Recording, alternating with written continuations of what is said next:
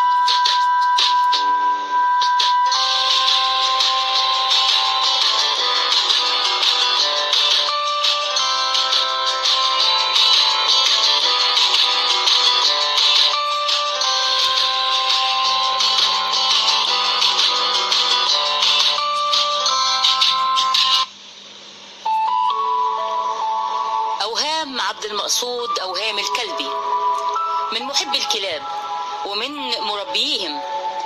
وللكلاب عند أوهام أو أبو جلمبو أكتر من فايدة وأكتر من معنى وبيلعبوا العديد من الأدوار. عشان كده في ختم الكلب هنتكلم أكتر عن علاقة أبو جلمبو مع الكلاب.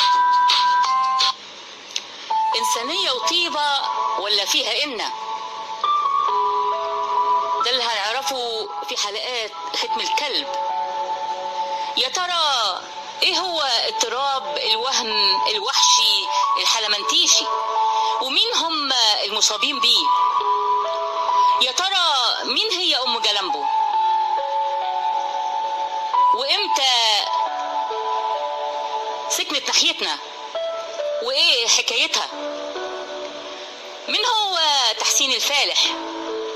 وبيعمل إيه بالظبط؟ ودوره إيه؟ كل ده هنعرفه قريبا في ختم الكلب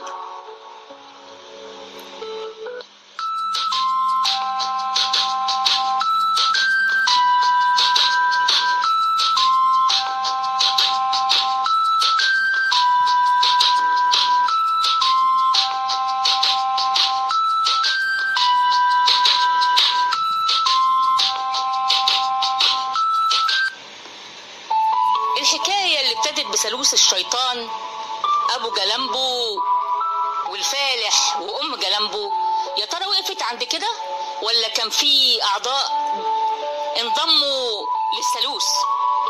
الحقيقة كان في أعضاء كتير. هنتكلم عنهم وعن دورهم بالتفاصيل. انتظرونا قريبا في حلقات ختم الكلب.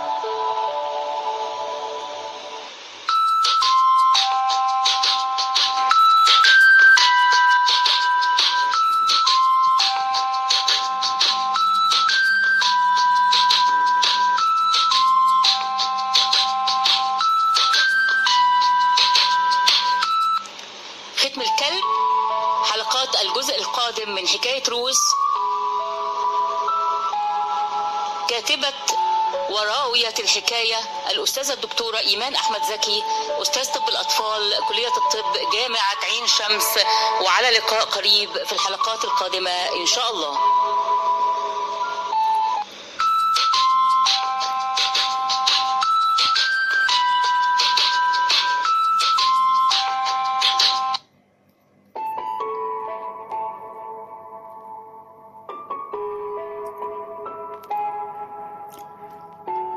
صغار العقول ومعدوم الضمائر يحيون على إيذاء كبار النفوس ولكنهم لا يدرون أن كيد أمثالهم هو من جعل من النفوس كبارا.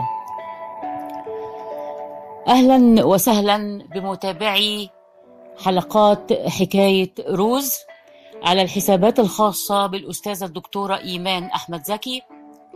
كاتبة وراوية حكاية روز على تويتر Anchor Spreaker and YouTube أو اليوتيوب. كل من خالف ذلك سواء كان السارق أم من يتعاملون معه فهو مخالف للقانون ولن نمل من المطالبة بحقوقنا في الأمان وعدم انتهاك حرماتنا. حتى نحصل على حقوقنا بالكامل أو نموت دونها.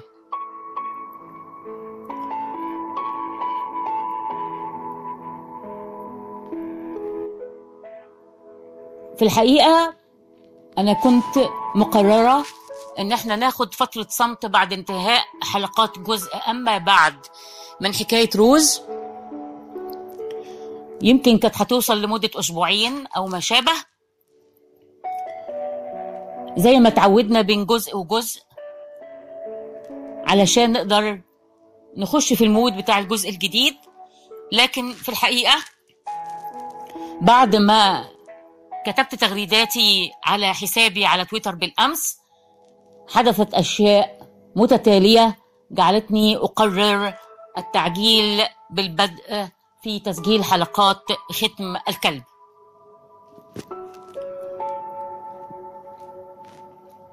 متى نتوقف؟ متى نستعد انتظارا للتحرك؟ متى نمضي بطريقنا فنون نتعلمها من الحياة؟ ويصل بها كل ذي بصيرة في طريقه لمنتهاه لذلك قد نقرر أن نتوقف ثم نجد من حولنا ظروفا أو أحداث تجعلنا نغير من القرار ونعجل بخطوة كنا قد قررنا أن ننتظر قبل أن نخطوها. وهذا ما حدث بالأمس فعليا.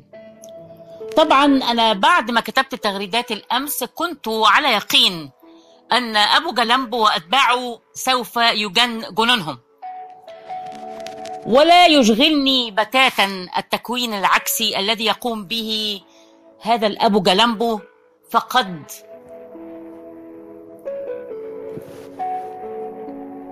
أصبح رد فعله كالكتاب المفتوح بعد دراسة تصرفاته على مدى سبع سنوات قام بمطاردته فيهم. الحقيقة النهارده الحلقة هتكون مقدمة. هحكي لكم اللي حصل امبارح وهقول لكم على بعض حاجات كلها تمت كتابتها على مدى آه، السنتين ونص اللي أنا بدأت فيهم حسابي على تويتر. كل شيء كان مكتوب. كل ما يضاف الآن مجرد تفاصيل لكن كل الخطوط العريضة كانت مكتوبة. لكن زي ما قلت لكم قبل كده ردود الأفعال عن آه، ردود الأفعال بعد البث الصوتي لحلقات حكاية روز يختلف تماما عن ردود الأفعال بعد كتابة التغريدات.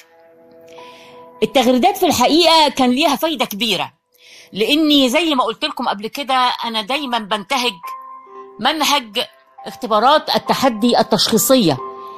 لأنه أوهام ومن معه أو أتباعه يجيدون ارتداء الأقنعة. يجيدون طمس الحقائق. يجيدون إلباس الباطل ثوب الحق. فلا بد من أشياء تجعلهم يظهرون ما يبطنون ويعري ردود أفعالهم الحقيقية وكل خفايا نواياهم. والحقيقة تغريدات حكاية روز برغم إن تأثيرها كان أقل من البث الصوتي للحلقات لكن كانت مفيدة جدا لأنها أضاءت لروز كل ما كان ينقص البازل أو الكلمات المتقاطعة بعد بلاغها للجهات الأمنية.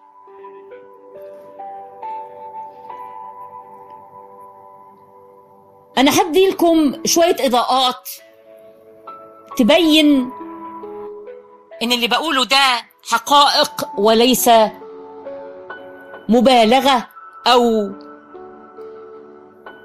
ادعاءات. خليني أفكركم بحكاية عدو النجوم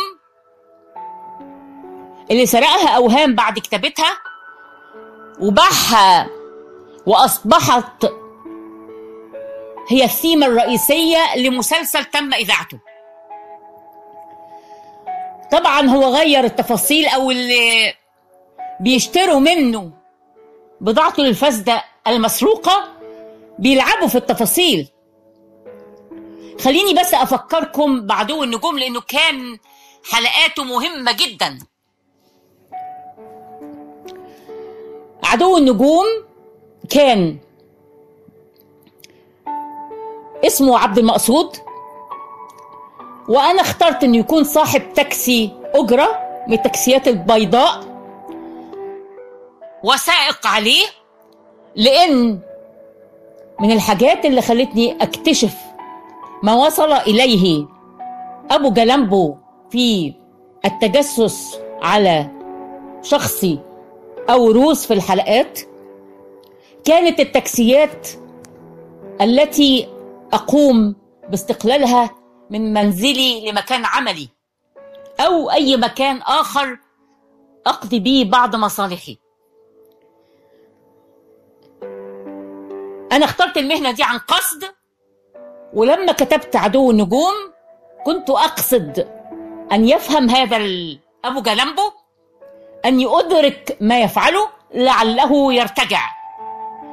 ولكنه زاد فسقا وفجورا وقام بالتنفيذ الحرفي لبعض الأحداث التي وضعتها في عدو النجوم. بجانب أنه قد سرق الحلقات. فمثلا عايز أفكركم إنه عبد المقصود وكنت أقصد الكلمة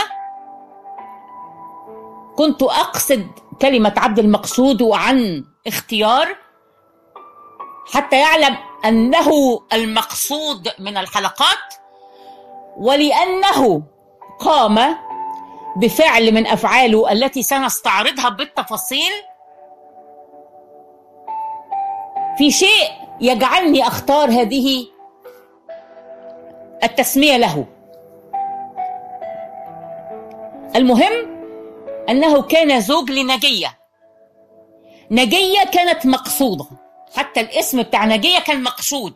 أنا كنت دايما أقول لكم إن الأسامي في الحكايات اللي بكتبها ما بتبقاش أسماء حقيقية ولكن لها دواعي درامية. المهم نجية كمان كان ليها دواعي درامية واتشرحت في الحلقات بالتفاصيل. كان عبد المقصود مهووس بنوارة. نوارة كان اسم مقصود في حلقات عدو النجوم.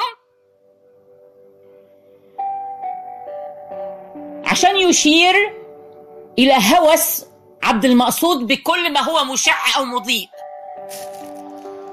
هذا يثير غيرته وحنقه ويصمم على إسقاطه.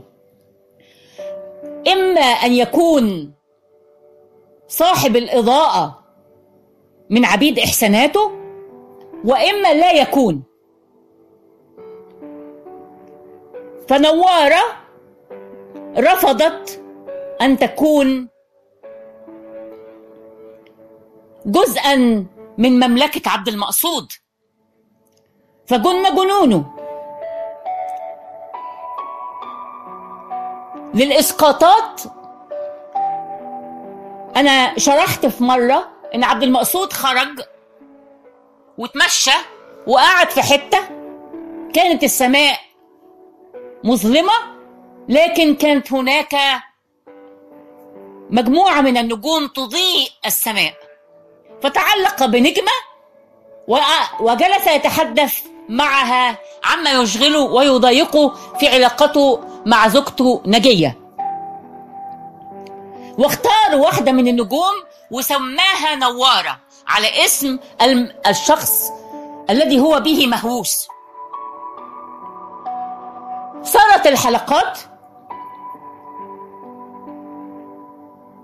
ونما إلى علم نجية أن زوجها مهووس بنوارة وكان ليها صديقة هذه الصديقة كانت فيها ملامح شخصية أم جلمبو أنا قصدت أعمل هذه التوليفة لعله يرتجع. شخصية صديقة نجية حكت لها الحاجات اللي خلتها تأكد شكوكها إنه مهووس بنوارة وابتدت تدلها على السحر والأسحار والأعمال اللي تعملها عشان تبعد نوارة من طريق عبد المقصود. قصدت أنا هذه العلاقة ما بين نجية وأم جلمبو التي بدأت فيها المصالح تتشابك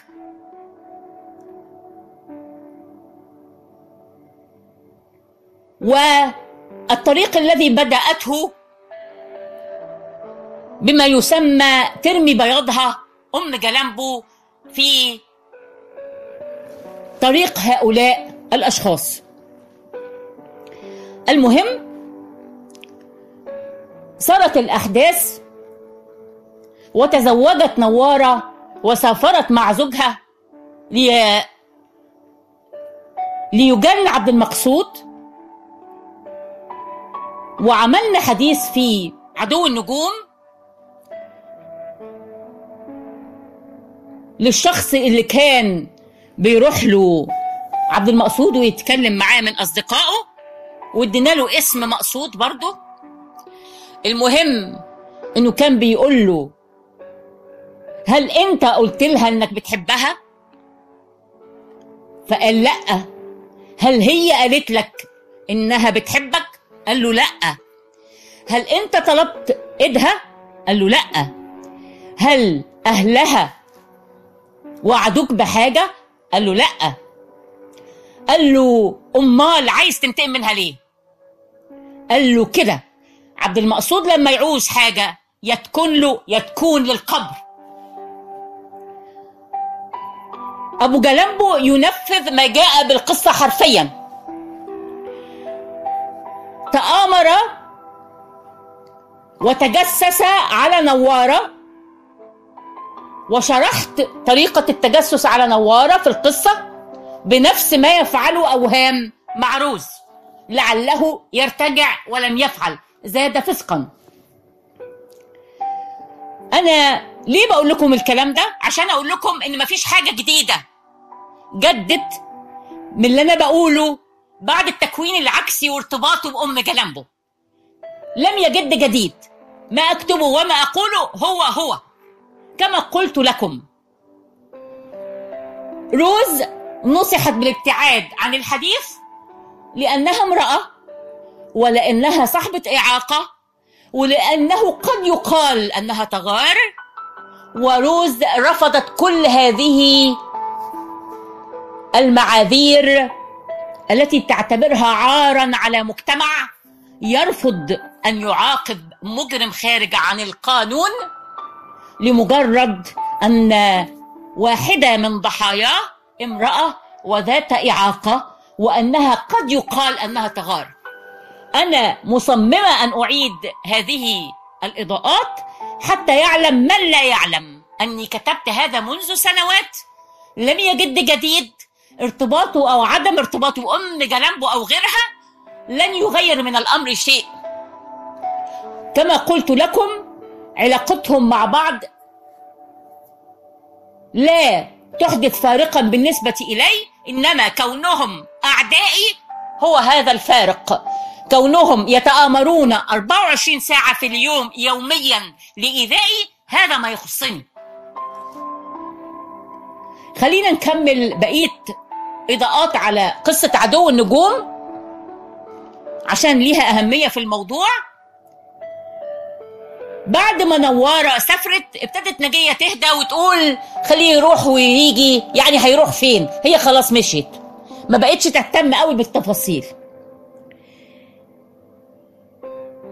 في يوم من الأيام صحي من كابوس أو حلم وقعدت تهدي فيه وتقول له في إيه فمرضاش يقول لها.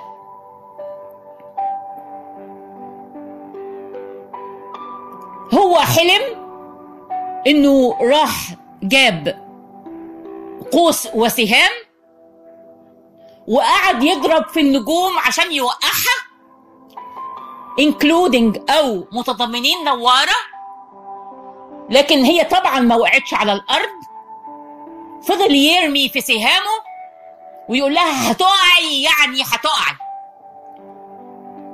بعد ما خلص الحلم وقام راح تاني بالليل لمكان اللي فيه النجوم لقى النجوم مشيت من مكانها ونوارة راحت تدور على مكان تاني تنور فيه للناس من بعيد زي ما ربنا أراد لها.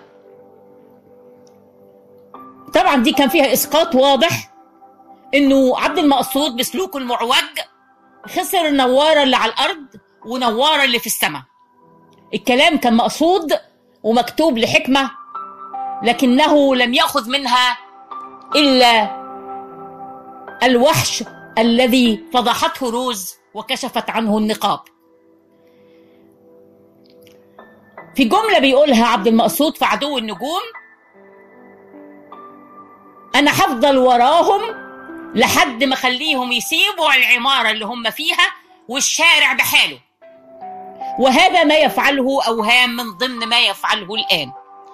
إذا لم يجد جديد لم أذكر شيئا جديدا. كله قد تمت كتابته في تغريدات مثبتة على حسابي على تويتر. علاقته بأم جلامبو لم تغير شيئا. لأنها كانت متواطئة ومن أتباعه من البدايات سواء ألبس هذه العلاقة رداء آخر أم لم يلبسه علاقة الإيذاء والعداوة موجودة. خلينا نخرج في فاصل موسيقي قصير ثم نعيد ثم نعود مرة أخرى لنكمل الحلقة التمهيدية من ختم الكلب.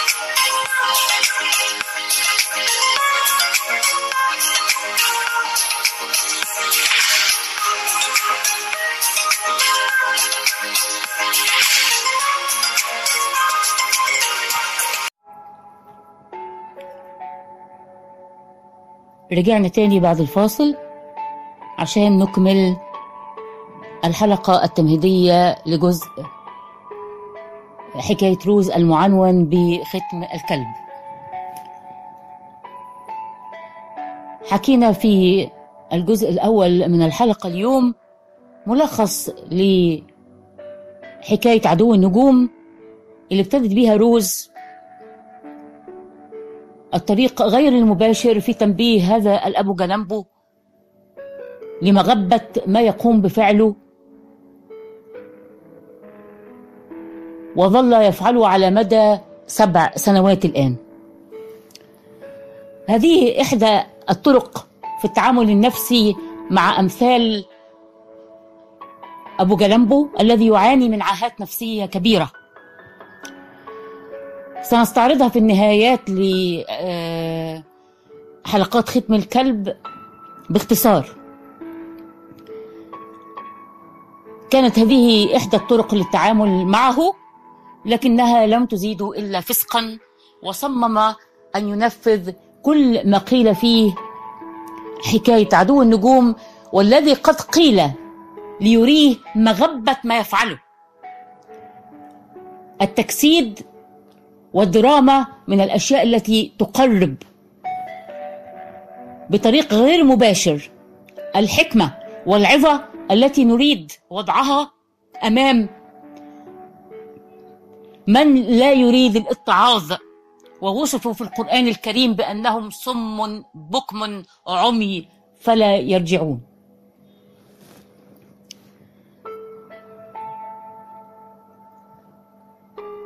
في الحقيقة أن صاحب الإعاقات سواء كانت حركية أم لفقد وظيفة أحد الحواس الخمسة أو الإعاقات الذهنية ليسوا هم المعاقين في الحياة. المعاقين في الحياة هم معاقي الأرواح والنفوس. هم مرضى النفوس موتى الضمائر. مدمني الإجرام.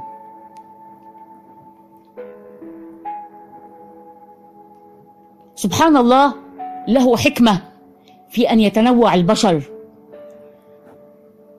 وقد بدأت الجرائم منذ بدايات الخليقة فقد قتل قابيل أخاه هابيل.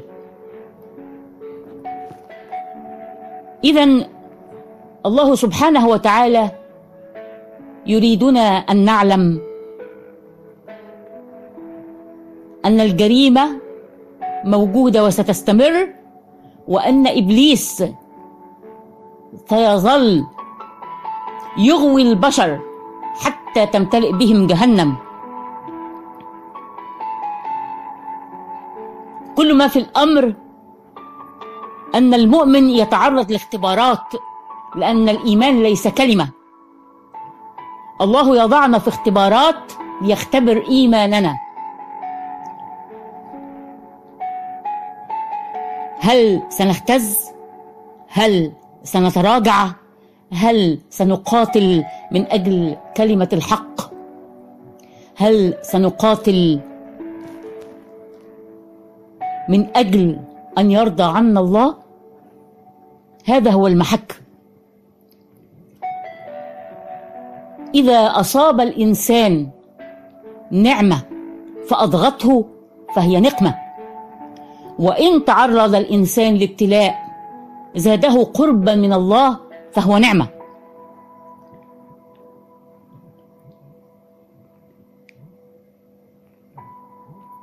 دعونا نكمل الآن. أخبرتكم أنه كان من المتوقع أن يجن جنون أبو جلمبو ومن معه بعد تغريداتي بالأمس وقد كانت مقصودة. لا أكتب شيئا غير مقصود فأنا أعني كل كلمة أكتبها. طبعا أنا وضعت إثباتات عن طريق البرامج أو السوفت ويرز التي أستخدمها لتحديد مكان الإشعاع. درجته والذي يملأ منزلي بالكامل الآن وسنحكي التفاصيل في الحلقات القادمة. لكن من الملفت والذي يجب أن أكرره وأضع عليه إضاءة هو أنني استاذه في كلية الطب والطب مهنتي. بعد ما وصلني من أنباء عما يفعله أوهام أنا لم أتقدم للجهات الأمنية مباشرة. أنا كان لدي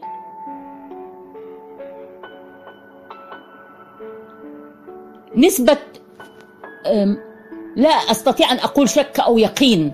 إن نسبة تأكد تقريبا توصل ما بين 70 ل 80% أن أوهام أو أبو جلمبو هو الذي يقف وراء كل ما كان يحدث لي منذ أن قمت بحذفه.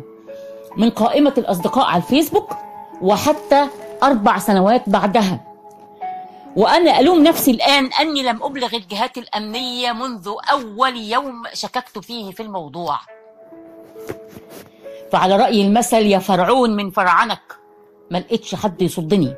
بس في الحقيقة أنا كنت خايفة أكون ظلمته. برغم كل ما تنامى علمي وكل ما تجمع لدي من من, من الذي أستطيع أن أقول عليه قرائن. يقال عليها في علم الجريمة قرائن وليست أدلة. لم أكن متأكدة وخ يعني خشيت أن أظلمه. ولما جاء لي الخبر اليقين أنه من يقف وراء ما يحدث وسنحكي عنه بالتفاصيل ظللت لمدة شهرين حتى أستطيع التأكد بما يشبه اليقين. من العملاء الذين يتبعون هذا الأوهام في المكان الذي أقطن به. وعندما تأكدت ذهبت مباشرة للجهات الأمنية. أفسد أوهام كل ما حاولت أن أقوم به لأنه يتجسس علي على مدى ال 24 ساعة. وسنتحدث في هذه النقطة بالتفاصيل لأن هؤلاء هم حاملي أختام الكلب.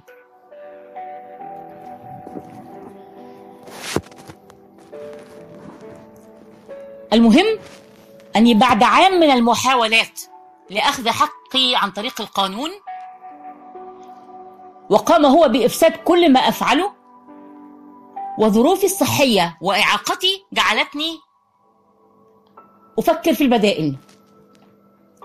حتى توصلت أن الكلمة ستكون سلاحي حتى يقضي الله امرا كان مفعولا. ولهذا قررت كتابة حلقات حكاية روز بعدما لم يتعظ أبو جلمبو من حلقات عدو النجوم وقام بإنفاذ كل ما حكي ليجعله يتعظ. وتلوت أنا عدو النجوم بقصة قصيرة أسميتها الفراشة والثور الهائج. سأتعرض لتفاصيلها في الحلقة القادمة إن شاء الله. خلوني بس أحكي لكم اللي حصل على مدى اليومين ثلاثة اللي فاتوا. بدأ أوهام كارت الإرهاب. لكنه لم يكن جديدا فقد فعله معنا كثيرا من قبل. بعد إبلاغي للجهات الأمنية أحد الضباط في أحد هذه الأماكن بعد ما حكيت له الظروف قال لي إن كان هذا الأبو جلمبو يريد الاستيلاء على المنزل الذي تقيمين فيه سيظهر أو سيظهر ملامح هذه الرغبة في التصرفات. أنا اخبرته أنني سأقوم بأخذ راحة بعيدا عن المنزل. وأخبرت أين سأفعل ذلك. فقال لي أن هذه فرصة جيدة لأنه لو كان يرغب في المنزل ستنتهي القصة عند محاولاتك للخروج من المنزل للراحة. أما إذا كان أنت الهدف فلن يتوقف. وهذا ما حدث. أنا قعدت الفترة بتاعت السنة اللي بحاول فيها المحاولات القانونية أخرج من البيت على فترات لأنه كان بيقوم بأشياء سادية أنا كتبتها فعلا وهنحكيها بعد كده بالتفاصيل. من ضمنها قطع المية تعطيل المصعد وأنا بحاجة إليه لظروف إعاقتي. قطع الكهرباء ولأيام طويلة وساعات طويلة. ده غير إنهم أصبحوا يتحكموا في الكهرباء الداخلة في بيتي وهنتعرض لذلك بالتفاصيل. طبعا تكرار هذه الأشياء وكان منهم شهر رمضان ما كناش عارفين نتوضا ولا نصلي ولا حتى نحضر أكل. فابتديت أخرج مع أختي التي تقيم معي ونروح فنادق مختلفة عشان رمضان يعدي. ما كان من هذا الشخص إلا أن طردني بأتباعه حاملي أختام الكلب الذين لم أكن على دراية بهم فقد كان كل ما وصلني هم أتباعه في منزلي وفي الشارع الذي أقطن به. خروجي من المنزل أفاد في شيئين. أولا أني تأكدت أن المنزل أو الشقة ليست هدفه. إنما أنا المقصود بافعالي والقصد كان إيذاء من اللحظة الأولى كما حكينا في انتهى الدرس يا أوهام. واتفقنا وقلنا إنه مفيش حد بيحب حد. يكين له الإيذاء يوميا على مدى سبع سنوات. وأنه لأنه مغرور ولأنه غبي ولأنه أحمق. تصور أن روز قد تظن أن ما يفعله لأنه يهتم بها من الناحية العاطفية على مستوى قيمة نبيلة كالحب. روز ليست بساذجة أن تظن أن هكذا شخصية من الممكن أن تشعر نحوها بأي مشاعر نبيلة من أي نوع. لكنه أحمق ومغرور وغبي. ومصمم أن يدور في نفس هذه الدوائر على مدى سبع سنوات. لم يكل ولم يمل.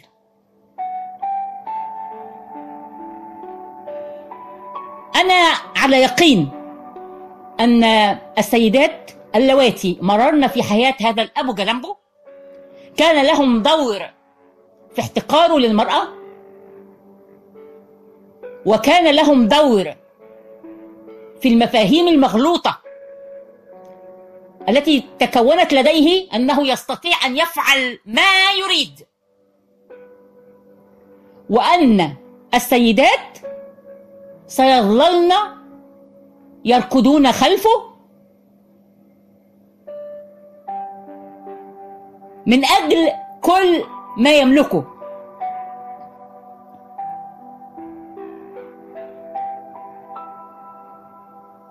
أنا آسفة أني أقول ذلك ولكن دراستي لعلم النفس والطب النفسي تؤكد لي أن خبرات هذا الرجل أو خلينا نقول أبو جلمبو لأنه ليس برجل فالرجولة صفات وليست ذكورة كما في شهادة الميلاد أو صفة تشريحية وهو لا يملك منها أي شيء. فخلينا نقول أبو جلمبو من المهم جدا. أن نتذكر سويا بعض التفاصيل في انتهى الدرس يا أوهام. لمن لا يكون قد استمع إلى الحلقات أو من لم يقرأ التغريدات. لأن الدائرة المحيطة بأوهام تتغير يوميا أو بأبو جلمبو وهو يسوق لكل مجموعة كذبة جديدة. وسنستعرض كل الأكاذيب التي وصلتني وسأرد عليها واحدة تلو الأخرى المهم في أحد الدور الفندقية التي كنا بها وكان قد قام بقطع المياه لأيام طويلة في رمضان قام من كان في هذا الدار الفندقية بقطع المياه هناك أيضا. وقد قلت من قبل أن الصدف موجودة في الميلودراما وأن الصدفة عندما تتكرر لا تكون صدفة. عندما حدث ذلك تأكدت أنه ورائي في هذه الأماكن وأنه يستطيع التصرف في كل مكان أحل به. وسنستعرض هذه التفاصيل لحاملي أختام الكلب. وحتى هذه اللحظات لم أكن أتخيل مدى نفوذ هذا الأبو جلمبو وما عرفت عنه بعد إبلاغي للجهات الأمنية لا يقارن بتاتا بما كنت أعلمه عنه قبلها. فقد كان كل ما تنام لعلمي عن رأي العين أو عن القصص التي وصلتني أنه سيء الخلق لا يؤتمن مدمن ويرعى مجموعة من المدمنين. وأن طالما هذه السلوكيات لا تريحني فلا بد أنا أن أختار قرار الابتعاد. وشرحنا هذا بالتفاصيل في انتهى الدرس يا أوهام. قاموا بنفس الأفعال بالأمس بعد التغريدات. قطعت الكهرباء ثم المياه. هذه النوعية من التصرفات أنا أعلمها علم اليقين ناهيك عن تعطيل المصعد عن قصد كل حين وآخر وأشياء أخرى كثيرة جدا حدثت لروز على مدى السنوات الماضية ولكن ما فعلوه بالأمس جعلني أقرر أنه لا صمت مع هؤلاء حتى ولو كان صمت انتظارا لتوقيت قد اخترناه. فهم يظنون أن حسن الخلق والصمت يستدعي أن يفترسوا كل من حولهم. فهم لا يعرفون شيئا عن الاحترام لا يحترمون أي قانون ولا أي حدود ولا دين ولا أعراف ولا تقاليد ولا أي شيء من هذا القبيل. وهو ما يحزنني بشدة لأنني لو كنت قرأت قرأت شيئا كهذا أو رأيت رايته في أي عمل درامي لكنت قد تصورت أنها شطحات مؤلف وأنها لا تمت للحقيقة بصله بصلة وأن وطني لا يمكن أن يكون به مثل هؤلاء الأشخاص ولكن التجربة المريرة التي مررت بها على مدى سبع سنوات وخاصة الثلاث سنوات الماضية علمتني ان أن حسن الظن ببعض البشر خطأ كبير وأن المؤمن كيس فطن وأنه لا بد أن يحترس وأن يعتمد على بصيرته وأن يستفتي قلبه وإن أفتاه الناس وأفتوه. لذلك فمعركتنا مع الباطل طويلة ولكننا لن نمل ولن نكل. حتى يقضي الله امرا كان مفعولا فنحصل على جميع حقوقنا ونحن أحياء أو نحصل عليها بعد أن نلقى الله سبحانه وتعالى بعد أن نكون قد متنا دفاعا عن حقوقنا في الدنيا. لنا تفاصيل كثيرة في الحلقات القادمة إن شاء الله. من ختم الكلب كانت معكم الأستاذة الدكتورة إيمان أحمد زكي كاتبة وراوية حكاية روز وعلى لقاء قريب إن شاء الله.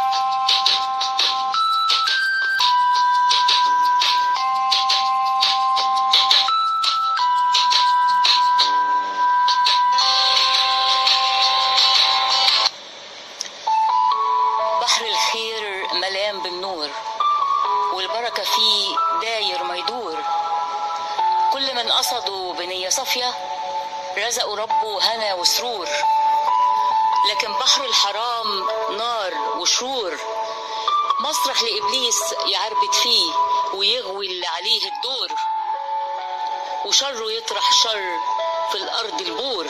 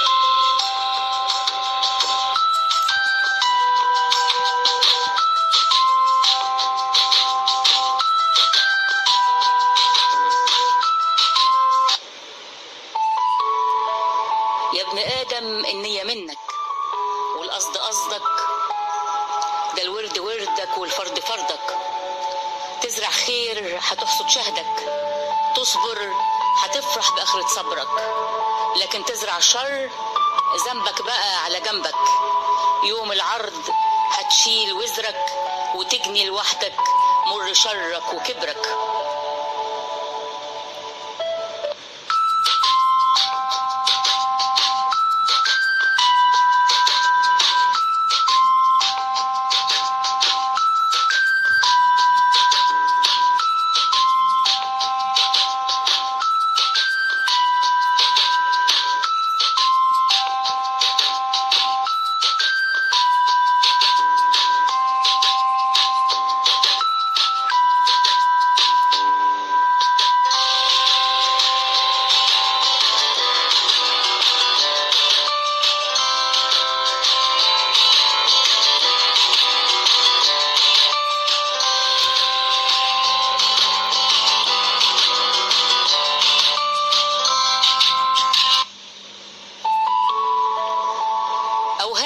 عبد المقصود أو هام الكلبي من محبي الكلاب ومن مربيهم وللكلاب عند أوهام أو أبو جلمبو أكثر من فايدة وأكثر من معنى وبيلعبوا العديد من الأدوار. عشان كده في ختم الكلب هنتكلم أكتر عن علاقة أبو جلمبو مع الكلاب.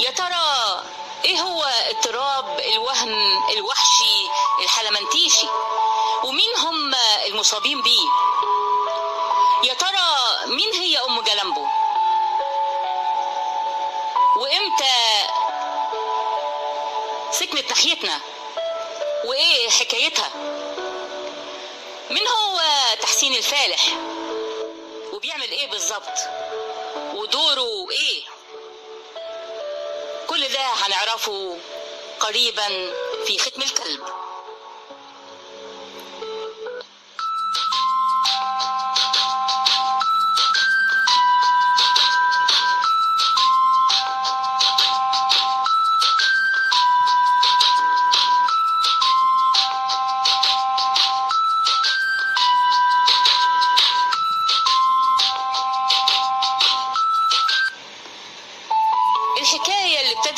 عروس الشيطان أبو جلمبو والفالح وأم جلمبو يا ترى وقفت عند كده ولا كان في أعضاء انضموا للثالوث؟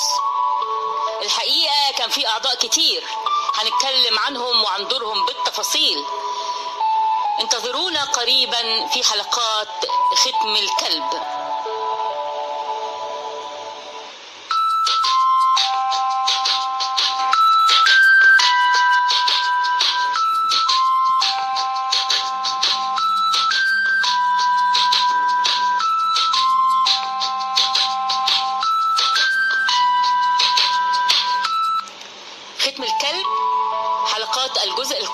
من حكاية روز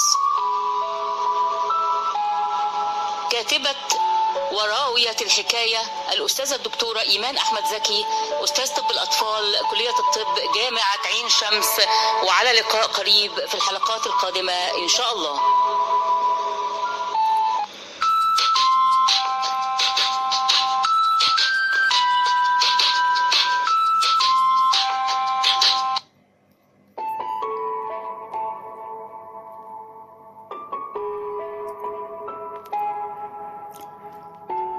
صغار العقول ومعدوم الضمائر يحيون على إيذاء كبار النفوس.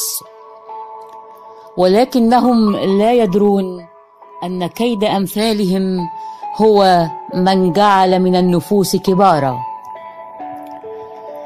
أهلا وسهلا بمتابعي حلقات حكاية روز على الحسابات الخاصة بالأستاذة الدكتورة إيمان أحمد زكي. كاتبة وراوية حكاية روز على تويتر Anchor Spreaker and يوتيوب أو اليوتيوب. كل من خالف ذلك سواء كان السارق أم من يتعاملون معه فهو مخالف للقانون ولن نمل من المطالبة بحقوقنا في الأمان وعدم انتهاك حرماتنا.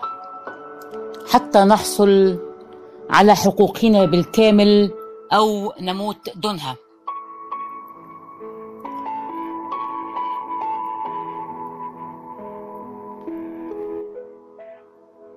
في الحقيقة أنا كنت مقررة إن إحنا ناخد فترة صمت بعد انتهاء حلقات جزء أما بعد من حكاية روز. يمكن كانت هتوصل لمدة أسبوعين أو ما شابه. زي ما تعودنا بين جزء وجزء علشان نقدر نخش في المود بتاع الجزء الجديد. لكن في الحقيقة بعد ما كتبت تغريداتي على حسابي على تويتر بالأمس حدثت أشياء متتالية جعلتني أقرر التعجيل بالبدء في تسجيل حلقات ختم الكلب.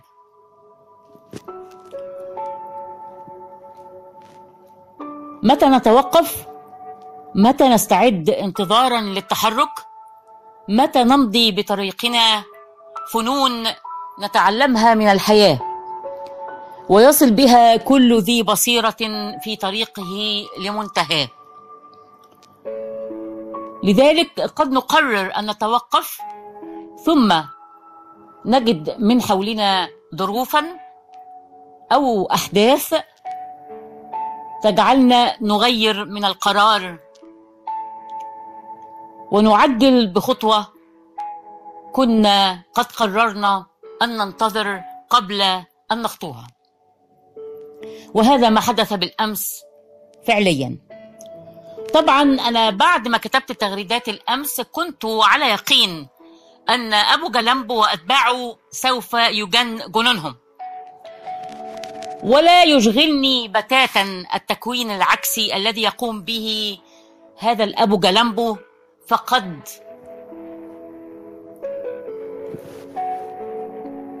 أصبح رد فعله كالكتاب المفتوح.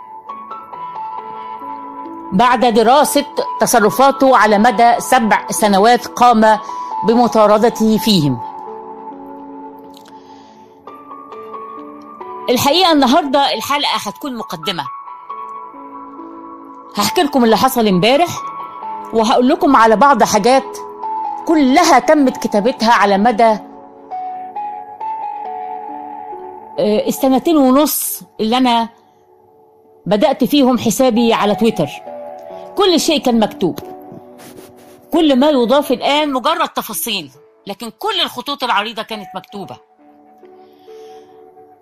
لكن زي ما قلت لكم قبل كده ردود الأفعال عن آه، ردود الأفعال بعد البث الصوتي لحلقات حكاية روز يختلف تماما عن ردود الأفعال بعد كتابة التغريدات. التغريدات في الحقيقة كان ليها فايدة كبيرة لأني زي ما قلت لكم قبل كده أنا دايما بنتهج منهج اختبارات التحدي التشخيصية. لأنه أوهام ومن معه أو أتباعه يجيدون ارتداء الأقنعة. يجيدون طمس الحقائق. يجيدون إلباس الباطل ثوب الحق. فلا بد من أشياء تجعلهم يظهرون ما يبطنون ويعري ردود أفعالهم الحقيقية وكل خفايا نواياهم. والحقيقة تغريدات حكاية روز برغم إن تأثيرها كان أقل من البث الصوتي للحلقات لكن كانت مفيدة جدا لأنها أضاءت لروز كل ما كان ينقص البازل أو الكلمات المتقاطعة بعد بلاغها للجهات الأمنية.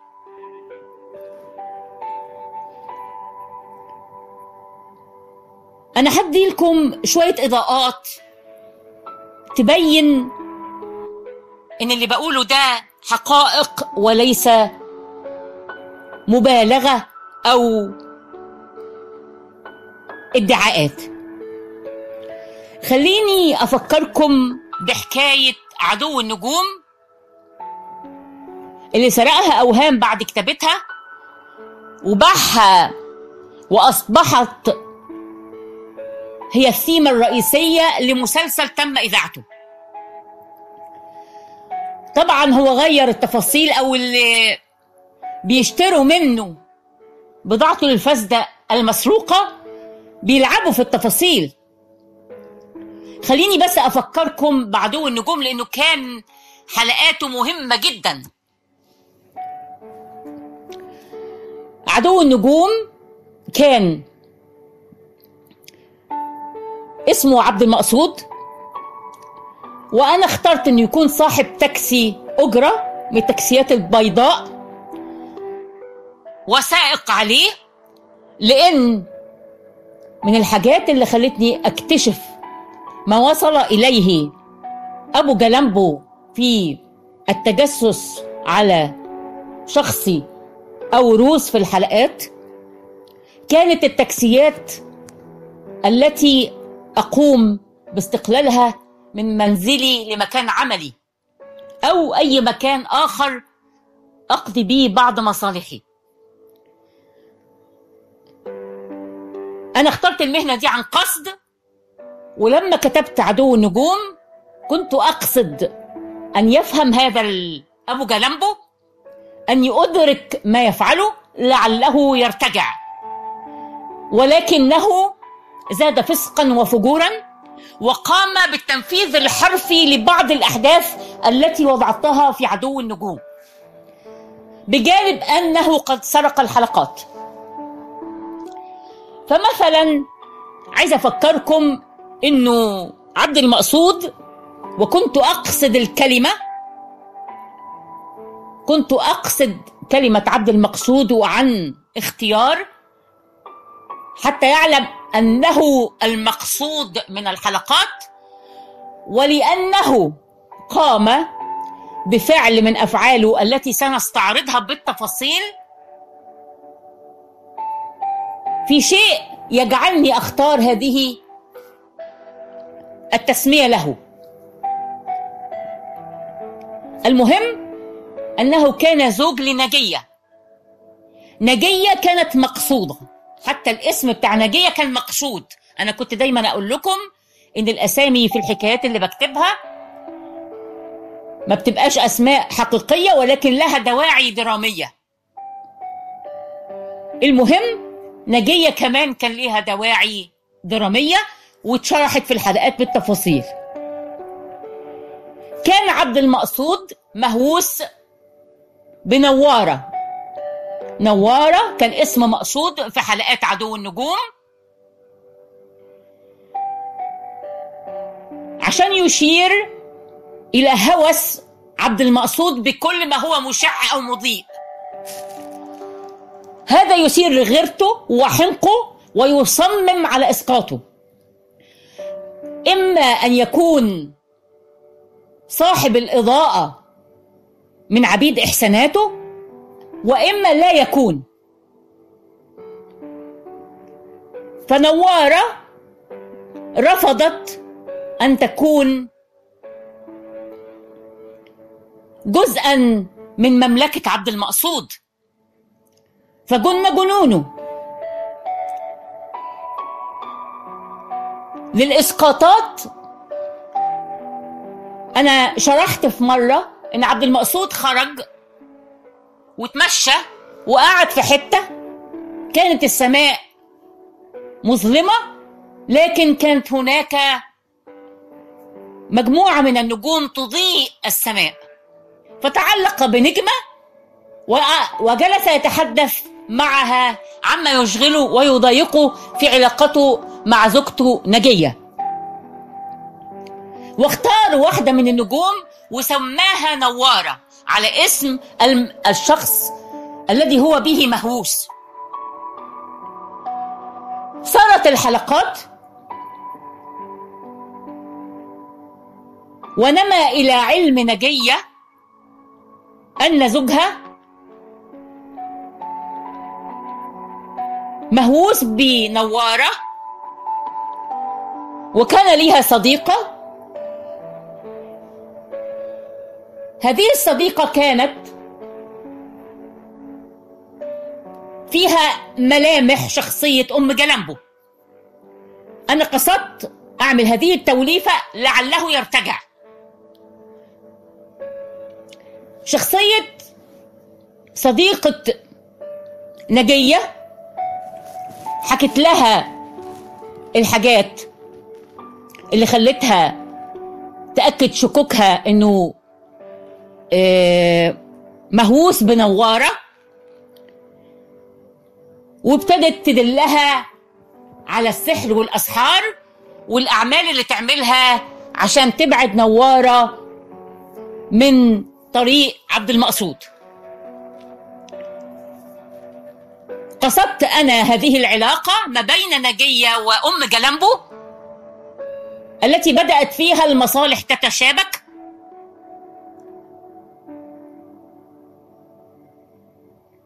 والطريق الذي بدأته بما يسمى ترمي بياضها أم جلمبو في طريق هؤلاء الأشخاص. المهم صارت الأحداث وتزوجت نوارة وسافرت مع زوجها لي... ليجن عبد المقصود وعملنا حديث في عدو النجوم للشخص اللي كان بيروح له عبد المقصود ويتكلم معاه من أصدقائه وادينا له اسم مقصود برضه. المهم إنه كان بيقول له هل أنت قلت لها إنك بتحبها؟ فقال لأ. هل هي قالت لك إنها بتحبك؟ قال له لا. هل انت طلبت ايدها؟ قال له لا. هل اهلها وعدوك بحاجة؟ قال له لا. قال له أمال عايز تنتقم منها ليه؟ قال له كده عبد المقصود لما يعوز حاجة يا تكون له يا تكون للقبر.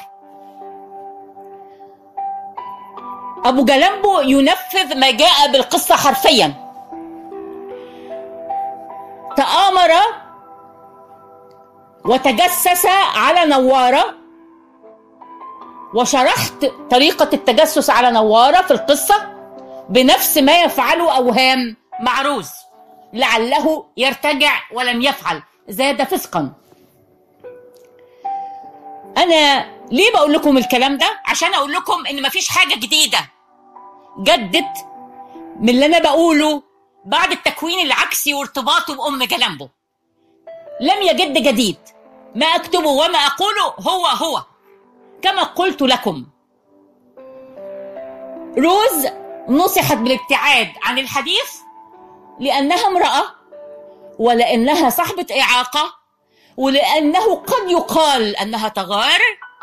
وروز رفضت كل هذه المعاذير التي تعتبرها عارا على مجتمع يرفض أن يعاقب مجرم خارج عن القانون لمجرد أن واحدة من ضحاياه امرأة وذات إعاقة وأنها قد يقال أنها تغار. أنا مصممة أن أعيد هذه الإضاءات حتى يعلم من لا يعلم. أني كتبت هذا منذ سنوات لم يجد جديد ارتباطه أو عدم ارتباطه بأم جلامبو أو غيرها لن يغير من الأمر شيء. كما قلت لكم علاقتهم مع بعض لا تحدث فارقا بالنسبة إلي إنما كونهم أعدائي هو هذا الفارق. كونهم يتآمرون 24 ساعة في اليوم يوميا لإيذائي هذا ما يخصني. خلينا نكمل بقية إضاءات على قصة عدو النجوم عشان ليها أهمية في الموضوع. بعد ما نوارة سافرت ابتدت نجية تهدى وتقول خليه يروح ويجي يعني هيروح فين؟ هي خلاص مشيت. ما بقتش تهتم قوي بالتفاصيل. في يوم من الأيام صحي من كابوس أو حلم وقعدت تهدي فيه وتقول له في إيه فمرضاش يقول لها.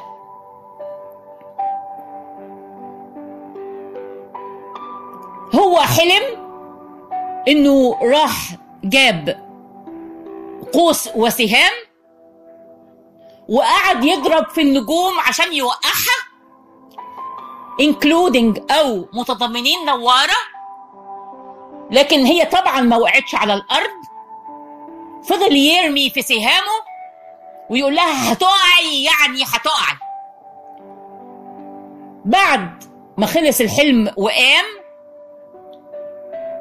راح تاني بالليل لمكان اللي فيه النجوم لقى النجوم مشيت من مكانها ونوارة راحت تدور على مكان تاني تنور فيه للناس من بعيد زي ما ربنا أراد لها. طبعا دي كان فيها إسقاط واضح إنه عبد المقصود بسلوكه المعوج خسر النوارة اللي على الأرض ونوارة اللي في السماء. الكلام كان مقصود ومكتوب لحكمة لكنه لم يأخذ منها إلا الوحش الذي فضحته روز وكشفت عنه النقاب. في جملة بيقولها عبد المقصود في عدو النجوم أنا هفضل وراهم لحد ما أخليهم يسيبوا العمارة اللي هم فيها والشارع بحاله. وهذا ما يفعله أوهام من ضمن ما يفعله الآن. إذا لم يجد جديد لم أذكر شيئا جديدا. كله قد تمت كتابته في تغريدات مثبتة على حسابي على تويتر. علاقته بأم جلامبو لم تغير شيئا. لأنها كانت متواطئة ومن أتباعه من البدايات سواء ألبس هذه العلاقة رداء آخر أم لم يلبسه علاقة الإيذاء والعداوة موجودة. خلينا نخرج في فاصل موسيقي قصير ثم نعيد ثم نعود مرة أخرى لنكمل الحلقة التمهيدية من ختم الكلب.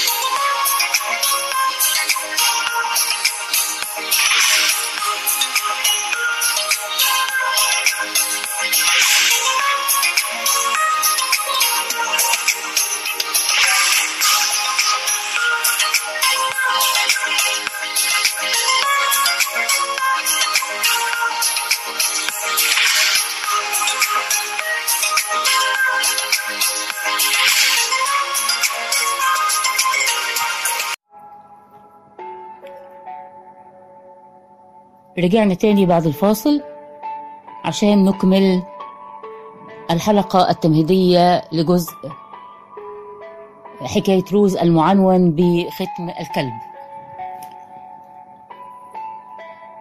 حكينا في الجزء الأول من الحلقة اليوم ملخص لحكاية عدو النجوم اللي ابتدت بيها روز الطريق غير المباشر في تنبيه هذا الأبو جلمبو لمغبة ما يقوم بفعله.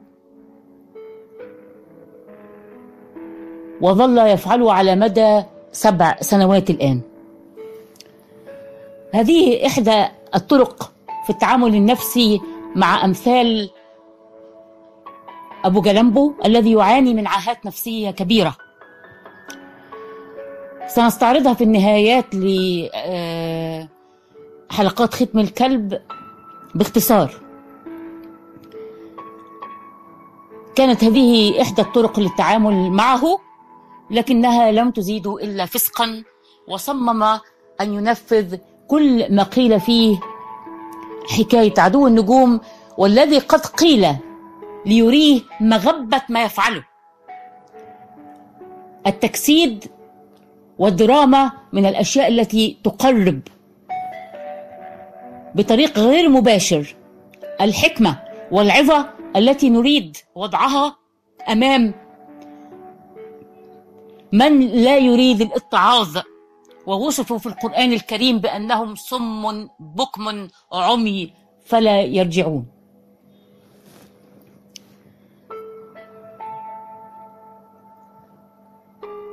في الحقيقة أن صاحب الإعاقات سواء كانت حركية أم لفقد وظيفة أحد الحواس الخمسة أو الإعاقات الذهنية ليسوا هم المعاقين في الحياة.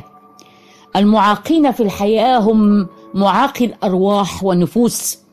هم مرضى النفوس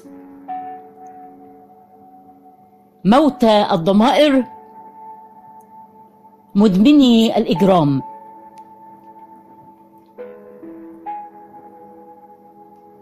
سبحان الله له حكمة في أن يتنوع البشر. وقد بدأت الجرائم منذ بدايات الخليقة. فقد قتل قابيل أخاه هابيل. إذا الله سبحانه وتعالى يريدنا أن نعلم أن الجريمة موجودة وستستمر وأن إبليس سيظل يغوي البشر حتى تمتلئ بهم جهنم. كل ما في الأمر أن المؤمن يتعرض لاختبارات لأن الإيمان ليس كلمة. الله يضعنا في اختبارات ليختبر إيماننا. هل سنهتز؟ هل سنتراجع؟ هل سنقاتل من أجل كلمة الحق؟ هل سنقاتل من أجل أن يرضى عنا الله؟ هذا هو المحك. إذا أصاب الإنسان نعمة فاضغته فهي نقمة. وإن تعرض الإنسان لابتلاء زاده قربا من الله فهو نعمة.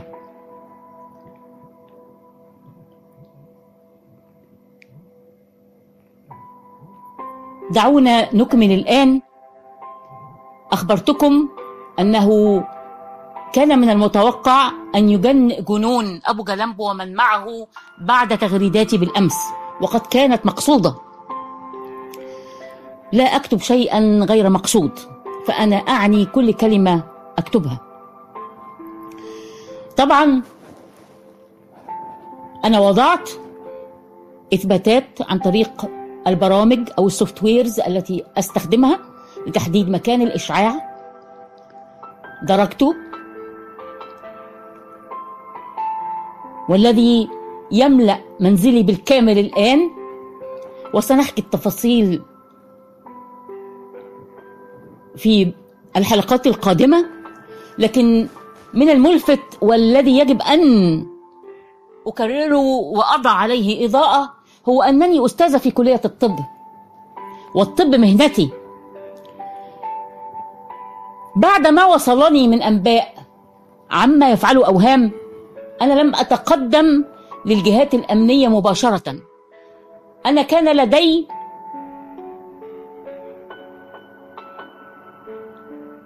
نسبة أم، لا أستطيع أن أقول شك أو يقين. إن نسبة تأكد تقريبا توصل ما بين 70 ل 80% أن أوهام أو أبو جلمبو هو الذي يقف وراء كل ما كان يحدث لي منذ أن قمت بحذفه. من قائمة الأصدقاء على الفيسبوك وحتى أربع سنوات بعدها. وأنا ألوم نفسي الآن أني لم أبلغ الجهات الأمنية منذ أول يوم شككت فيه في الموضوع. فعلى رأي المثل يا فرعون من فرعنك ما لقيتش حد يصدني. بس في الحقيقة أنا كنت خايفة أكون ظلمته. برغم كل ما تنامى علمي وكل ما تجمع لدي من من, من الذي أستطيع أن أقول عليه قرائن. يقال عليها في علم الجريمة قرائن وليست أدلة. لم أكن متأكدة وخ يعني خشيت أن أظلمه. ولما جاء لي الخبر اليقين أنه من يقف وراء ما يحدث وسنحكي عنه بالتفاصيل ظللت لمدة شهرين حتى أستطيع التأكد بما يشبه اليقين. من العملاء الذين يتبعون هذا الأوهام في المكان الذي أقطن به. وعندما تأكدت ذهبت مباشرة للجهات الأمنية. أفسد أوهام كل ما حاولت أن أقوم به لأنه يتجسس علي على مدى ال 24 ساعة. وسنتحدث في هذه النقطة بالتفاصيل لأن هؤلاء هم حاملي أختام الكلب.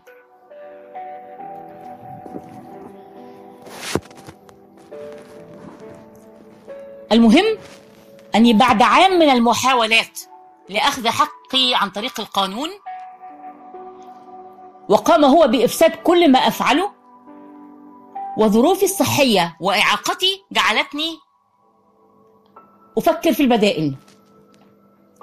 حتى توصلت أن الكلمة ستكون سلاحي حتى يقضي الله أمرا كان مفعولا.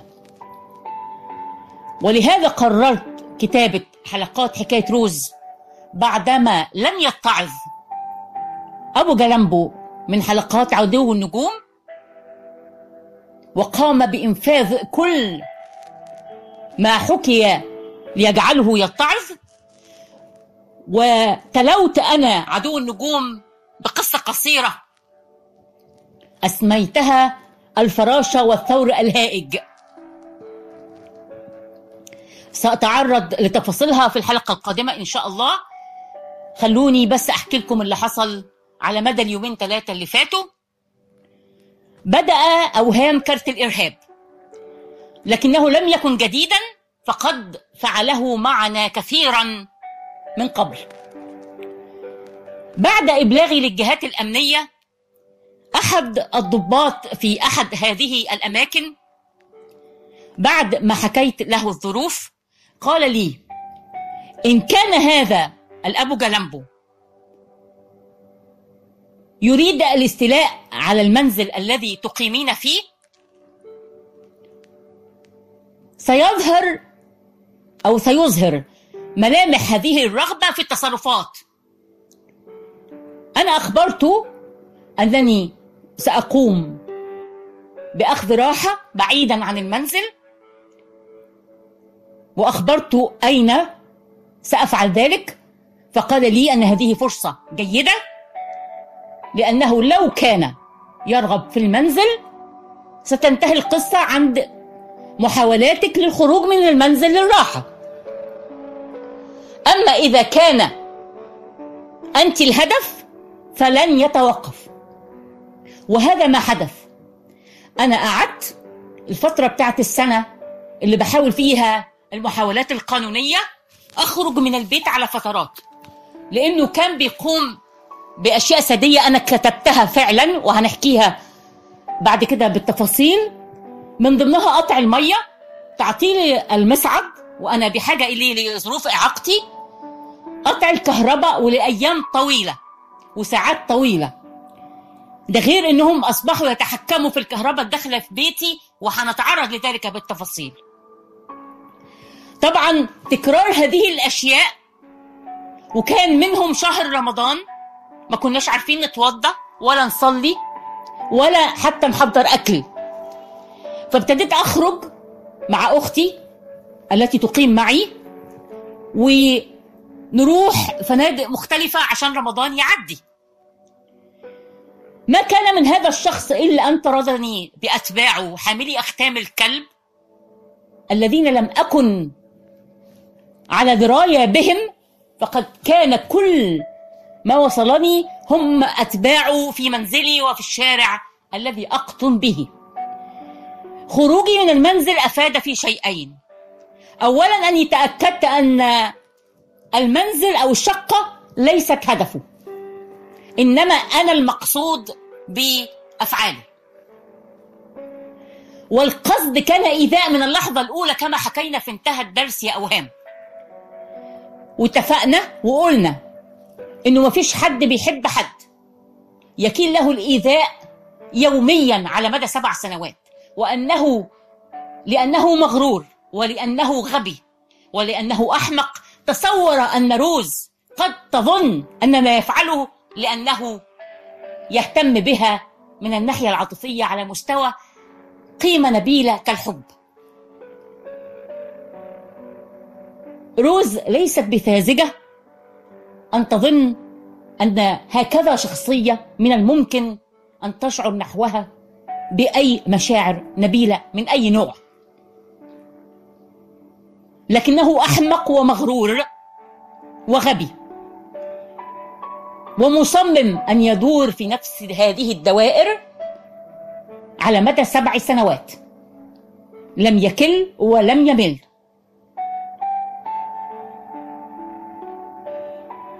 أنا على يقين أن السيدات اللواتي مررن في حياة هذا الابو جلمبو كان لهم دور في احتقاره للمرأة. وكان لهم دور في المفاهيم المغلوطة التي تكونت لديه أنه يستطيع أن يفعل ما يريد. وأن السيدات سيظللن يركضون خلفه من أجل كل ما يملكه.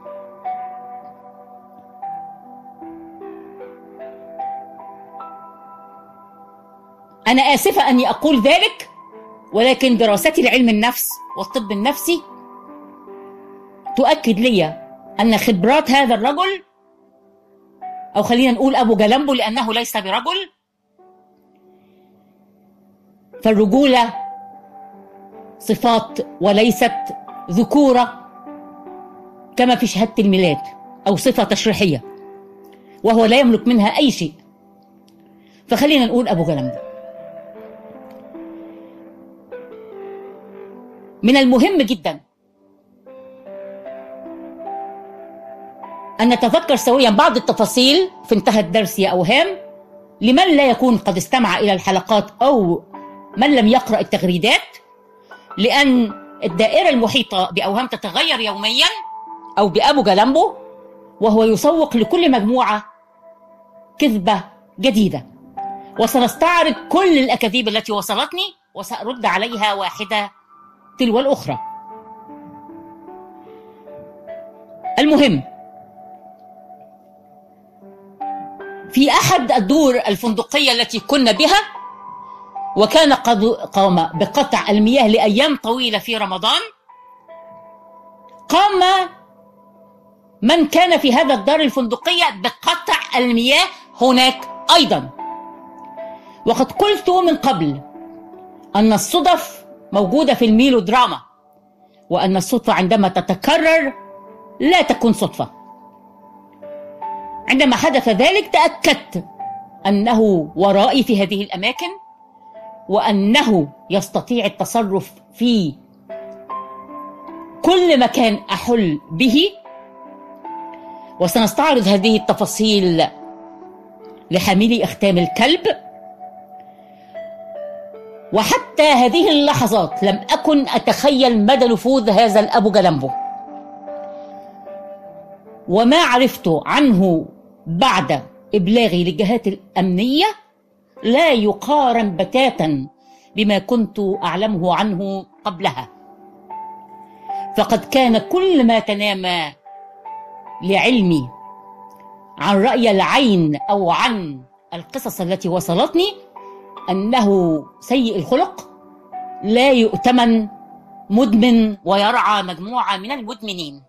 وأن طالما هذه السلوكيات لا تريحني فلا بد أنا أن أختار قرار الابتعاد. وشرحنا هذا بالتفاصيل في انتهى الدرس يا أوهام.